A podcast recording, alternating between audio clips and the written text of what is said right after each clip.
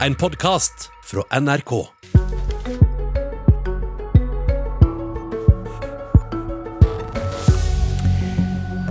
På kjøkkenveggen hjemme hos eh, Trygve Slagsvold Vedum står det du skal behandle jorden som om du skulle leve evig. Likevel vet ikke Slagsvold Vedum og Senterpartiet ennå hva de mener om regjeringa sitt forslag til ny klimapolitikk.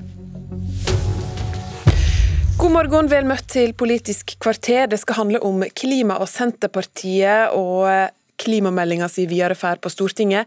Men du skal også få vite hvem som mest trolig vinner valget til høsten, ifølge en helt ny predikasjonsmodell. Og Den slår fast at Erna Solberg har 6% sjanse for å vinne. Senere i sendinga får du vite hvordan dette er mulig å si.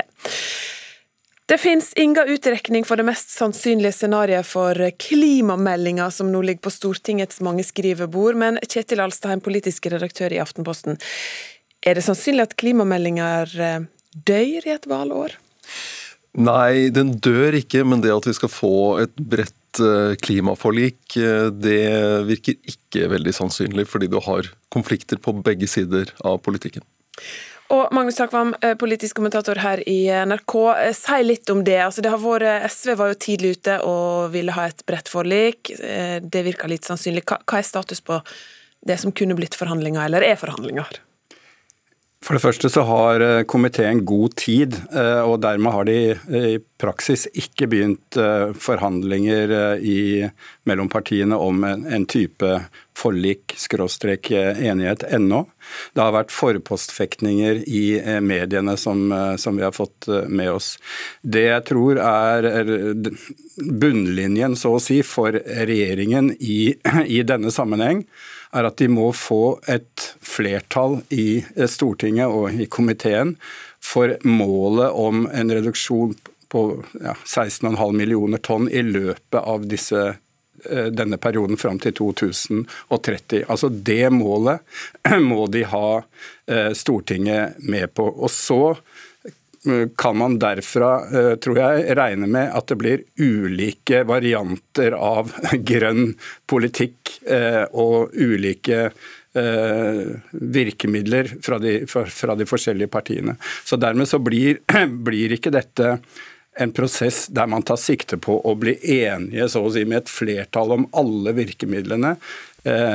På den måten man ofte, ofte tenker på med, med et forlik, fordi det er i de særlig i de årlige budsjettene framover, at f.eks. avgiftene blir bestemt. Så det er noe av svaret på det. Ikke sant, Men et helt sentralt poeng er det grepet om å øke CO2-avgifta. Det er en av de store diskusjonene rundt klimameldinga. Og da er spørsmålet hva mener Senterpartiet? Vi inviterte dem til sendinga i dag. De hadde gruppemøte i går der denne meldinga var tema, men partiet ville ikke komme eller stille til debatt mot noen som helst. Og de hevder at de ikke vet hva de mener om klimameldinga og tiltakene der.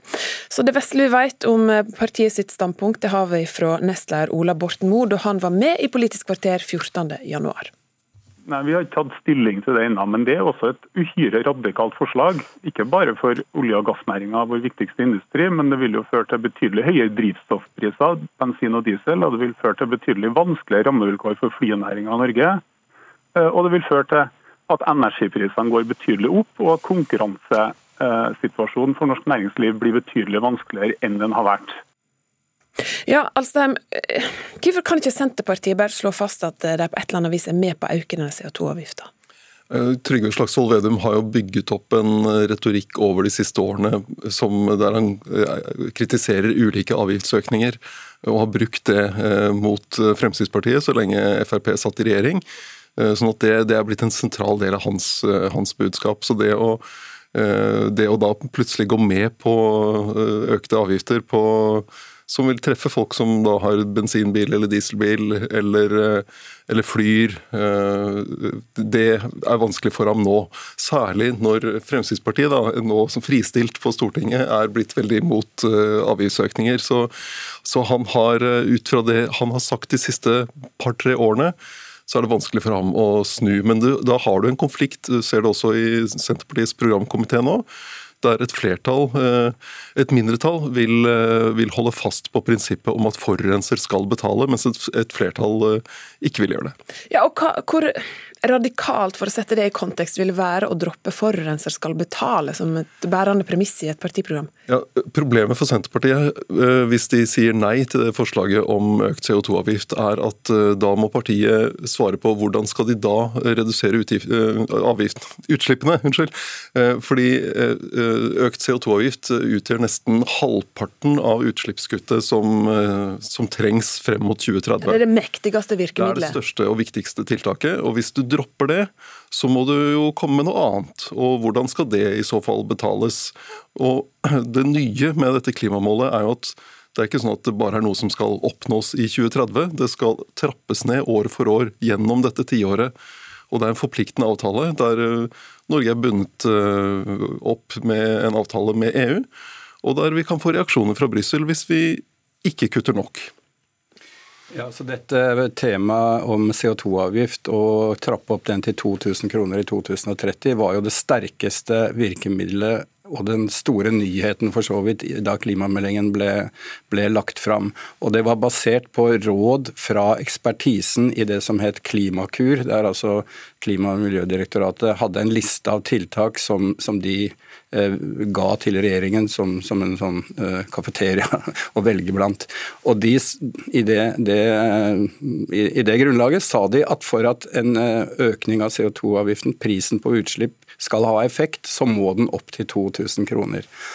Og så er debatten både i Senterpartiet og for så vidt i, i regjeringspartiene og Arbeiderpartiet eh, at man må ha visse skal vi si, kompenserende tiltak, skjerme ulike sektorer på, på, forskjellige måter.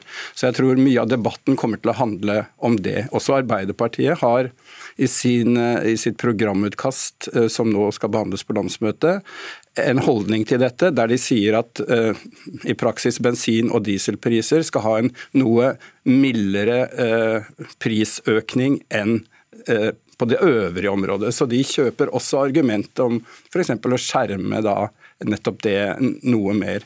Så det spennende framover blir nettopp hvor man lander i, i, som et minste felles multiplum, så å si, på det punktet. Mm. Og også hvordan man bruker inntektene fra den økte CO2-avgiften til ulike kompenserende tiltak. Bedre avskrivinger osv. for å skjerme de som blir rammet mest av det. Men da nevnte du Arbeiderpartiet, Magnus. og Kjetil, Arbeiderpartiet har sagt at de vil være mer ambisiøse enn regjeringa. Kutta skal takast hjemme, men skal ikke bruke dette kvotemekanismesystemet inn i EU, som gjelder for ikke-kvotepliktig sektor.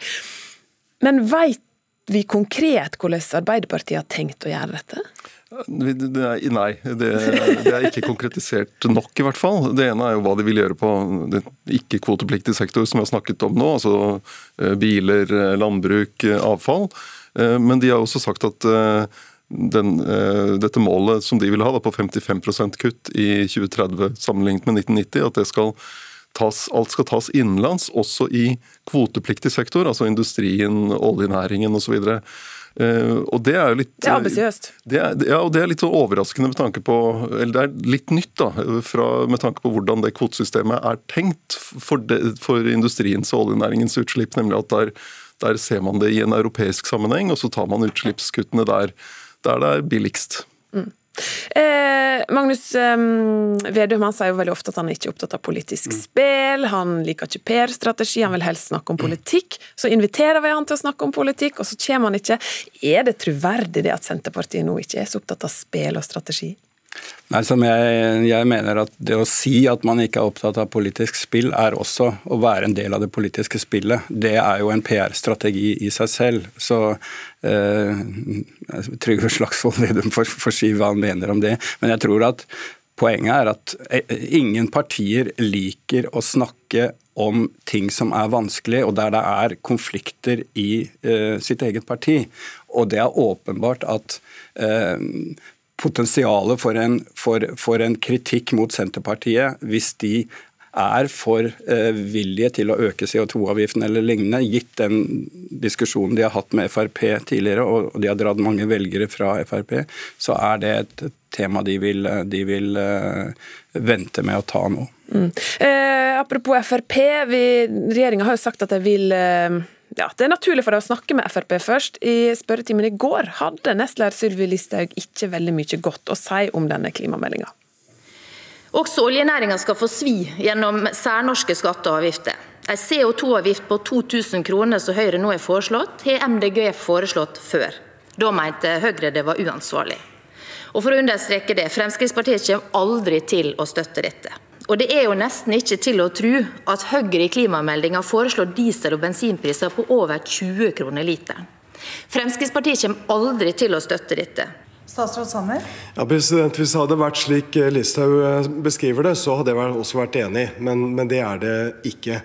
Eh, og I løpet av de årene vi har regjert sammen, ja, vi har økt eh, klimaavgiftene for at, forurenser skal betale, men samtidig har vi redusert andre skatter og avgifter. Jeg håper at representanten Listhaug og Fremskrittspartiet vil bidra til fortsatt borgerlig regjering. Eh, et lite poeng fra Sanner der til slutt, Alstaheim. Er Frp veldig sånn klistra til eh, historien med avgiftsøkene i regjering? Eh, ja, ja, det er det jo, men de frigjør seg jo. Det er akkurat etter eget for godt befinnende, som vi hører fra Sylvi Listhaug her nå. Og så er det jo en ny debatt om hva, hvilke avgifter skal vi ha fremover. Og det er klart den debatten kommer jo til å bli ganske sammensatt og komplisert. fordi du, du har disse to Hvordan vi deler uh, utslippene i kvotepliktig og ikke-kvotepliktig sektor. Så det, Du kan få en egen diskusjon om er det riktig å øke avgiften for oljenæringen og for uh, innenriksfly som ikke er en del av, uh, altså, som er en del av kvotepliktig sektor, der du har et system gjennom EUs Eh, kvotemarked som på en måte dekker eh, og gjør opp det som trengs av utslippskutt eh, på de områdene. Mm. Vi eh, sier takk i denne omgang, og minner Senterpartiet om at invitasjonen til å komme og snakke om klima, den står ved lag. Takk til Kjetil Alstaheim og Magnus Takvam. Abonner på Politisk kvarter som podkast, og få sendingen rett til din mobil. Og nå til det som kanskje mange har venta på, nemlig svaret på hvem som vinner valget til høsten. Jørgen Bølstad, du er førsteamanuensis ved Universitetet i Oslo, forsker på statistikk, og har laga ei nettside, eh, estimate.no, der alle kan gå inn og studere flere ulike grafer. Der sier du noe om hvordan det vil gå i valget til høsten. Og eh, kan du allerede nå slå fast hvem som vinner? Eh, nei, det er klart altså, en, fornuftig modell her vil jo være probabilistisk, altså handle om sannsynligheter. Eh, men vi får jo ganske klare resultater allerede, faktisk. Mm. Vi skal komme mer inn på det, men først si litt om hva er det som skiller denne modellen din fra vanlige meningsmålinger som vi er vant til å studere? Ja, altså Dekningen av meningsmålinger i Norge handler jo mye om å tolke endringer fra én måling til en annen. Eh, og så vet vi at det er store målefeil i hver måling. Eh, og Hvis vi ser på f.eks. støtten til KrF, eh, så er den i realiteten nesten en helt flat strek. Mens målingene kan svinge opptil 3 prosentpoeng i løpet av en uke. Så det er klart at her er det en fare for å sitte og tolke masse ut av det som egentlig er støy. Men så er det også sånn at hvis vi ser på Frp f.eks., så varierer jo støtten mer i reell eh, betydning. Eh, for Frp kan støtten faktisk svinge med 5-6 prosentpoeng i løpet av et par uker. Um, så Litt av poenget for min del er jo på en måte å lage en modell som klarer å fange opp de reelle svingningene, og som klarer å se gjennom det som er støy. Mm. Og Hvem vinner da, med utgangspunkt i det, valget til høsten? Eh, altså, per nå så, så, ligger jo de fire borgerlige partiene rundt 17 prosentpoeng bak de fem partiene som vi kan regne til venstresiden. Um, så eh, det i seg selv eh, tilsier jo at de har en, en, ganske lav sjanse for å vinne gjenvalg, altså Erna Solbergs regjering. Eh, modellen eh, til, sier at den sjansen i dag er rundt fem prosentpoeng. Fem prosentpoeng i dag, at hun vinner ved, ved høstens valg. Um og da betyr det at det er 95% sjanse for at Jonas Gahr Støre blir statsminister? Eh, ja, sånn omtrent. Eh, nå er det også en kabal som skal eh, legges på venstresiden om hvem som får lov å være statsminister. Nå er jo Senterpartiet og Ap omtrent jevnstore. Men sjansen for at det blir et regjeringsskifte ser ut til å være veldig høy. Er det litt vågalt å si dette, syns du? Det det er, klart det er en, en viss risiko. Særlig altså sånn som Modellen sier at hvis det hadde vært et valg i dag, så ville sjansen for at Erna ville fått gjenvalg vært under 1% Så det er klart at det det er ikke helt komfortabelt å komme med den type tall, men, men, den forskjellen, altså det at de ligger under 17 prosentpoeng, det er så voldsomt at det måtte skjedd noe, et, et politisk jordskjelv. Du har hørt en podkast fra NRK. Hør flere podkaster og din favorittkanal i appen NRK Radio.